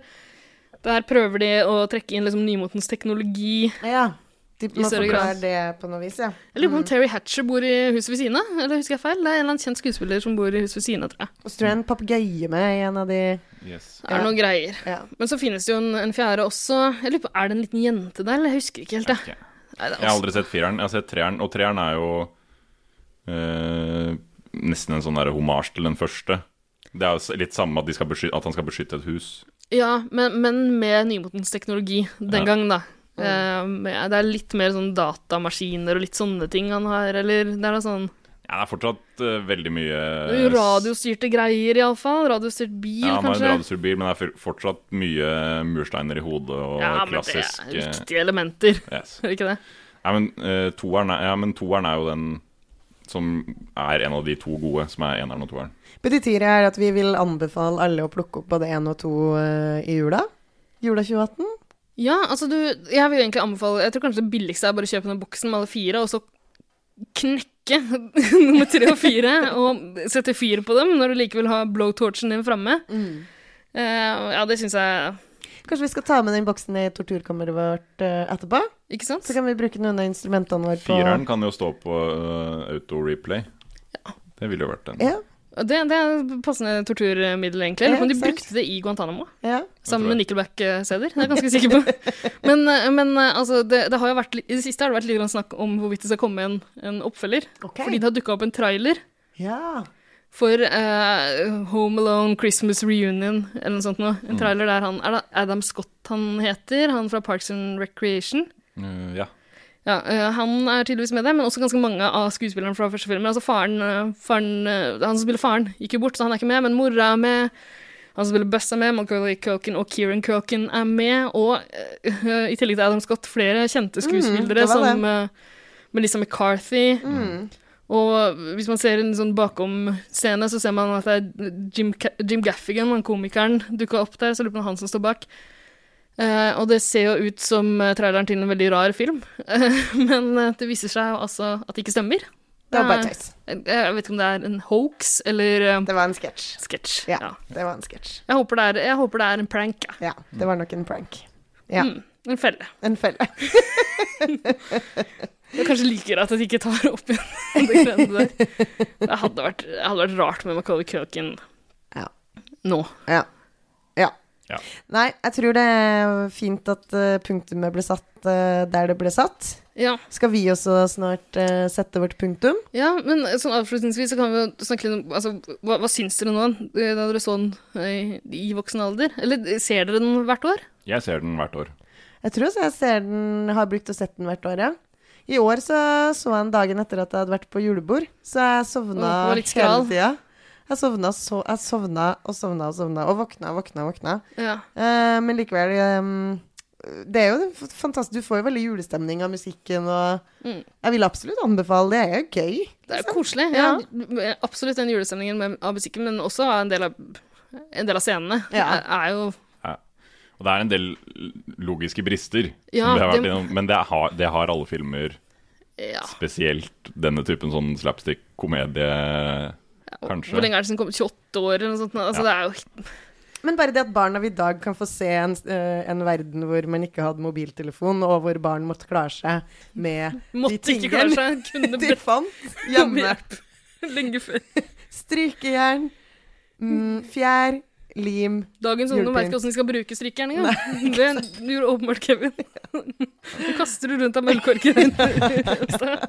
Men eh, det vil si, ja, til, til tross for det, så er det jo bare en veldig morsom film. Ja. Det er en god komedie. Men er det, er det, det er en god komedie fortsatt. Men eh, er det det som gjør at vi går tilbake til den år etter år, liksom? Det er jo en stor del nostalgi også. Nostalgi? Julestemning? Sånn, Julestemning, musikken, og det der, det er de fellene. Det er en veldig morsom akkurat det der. Det er jo det man sitter og gleder seg til når de skal gå i, i de fellene og passe seg for dem. Mm. det, er, det er jo fint om de klarer å passe seg for dem, sånn at alle, alle på en måte skal få jul muligheten igjen. til å feire jul igjen. Mm. Ja. Hei sann, hopp sann, da var det kanskje Slutt, da. Ja, det var jo det. Vi får ta en kjapp tur ned, tilbake til torturkammeret og se, se hvordan det går med Ja. gjengen der nede. Ja. Skal vi gjøre det? Ja. Syns jeg hører noe musikk fra torturkammeret. Det blir høyere og høyere. Ja, se her, ja. Men det er jo Hjemme alene-koret som står her og blir det, det- torturert. Det er så koselig. Det er jo ordentlig julestemning. Skal vi sette på film eh, fire for de, da? Ja, det skal vi gjøre. Vil dere andre også se film, eller har du lyst til å gjøre noe annet? Aldeles ikke. Eh, vi gleder oss for hver eneste dag. Bare vi kommer gjennom dette nå, så har vi masse dører vi skal åpne. Vi ser, ser framover med ja, masse som skal skje framover. Ja, ja, nei, men det er nok vi som bestemmer her. Ja. Så dere, ja. Vi får se hva det blir til. Hva Det blir nok kor kormusikk og film først, i hvert fall. Ja. Men kan jeg slå meg ned her og se på, eller er den, er den trygg å sitte på? Nei, nei, sorry, ikke Ok, greit. Ok, Nå satte du i gang en kjedereaksjon her som å, ser ut til å gå hardt utover noen av Oi! Stakkars. Sorry. Oi, se! Borti, borti hjørnet der er det et kjent fjes. Nei, men Se der. Så trivelig, da. Er det ikke, er ikke det en velkjent musiker som vi har stifta bekjentskap til? I løpet av disse podkastepisodene vi har spilt inn. Har du hørt? Jeg burde ikke bli overraska over at Jack, hva gjør du her? Kom deg ut, you filthy animal. Nei, han skal ikke komme seg ut. Det er han som spiller ofte dans. For de holder ikke ut så lenge, de Nei, koristene. her. korbarna blir snart overdøvd av en dyp mannsrøst. Ikke sant? Nei, men kanskje dere bare skal gå ut, så kan jeg og Jack uh, bli her nede. Jeg tror vi går, ja, Sverre. Vi gjør det. Ja. Det var må dere i koret bare holde kjeft. Takk. Og så, Jack, kan du begynne så smått å spille opp til dans en eh, deilig julelåt, det her. Nei, men Da går jeg, for det her orker jeg ikke å høre på. Ja, engang. nei, Men, jeg er eh, lei. Nå er jeg lei. Da holder det. Du kan kose deg, Ida. Ok, Yes, Ha vi det. ses vi neste gang. ses. Ha det bra.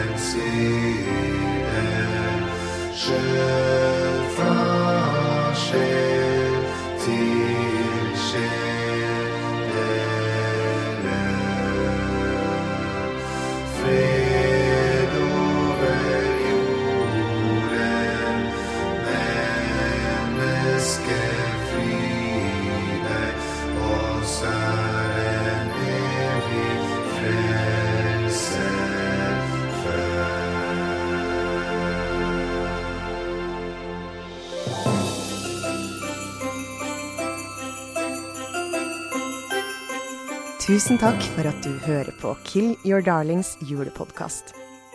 Har du innspill, eller vil du dele dine egne juleanbefalinger?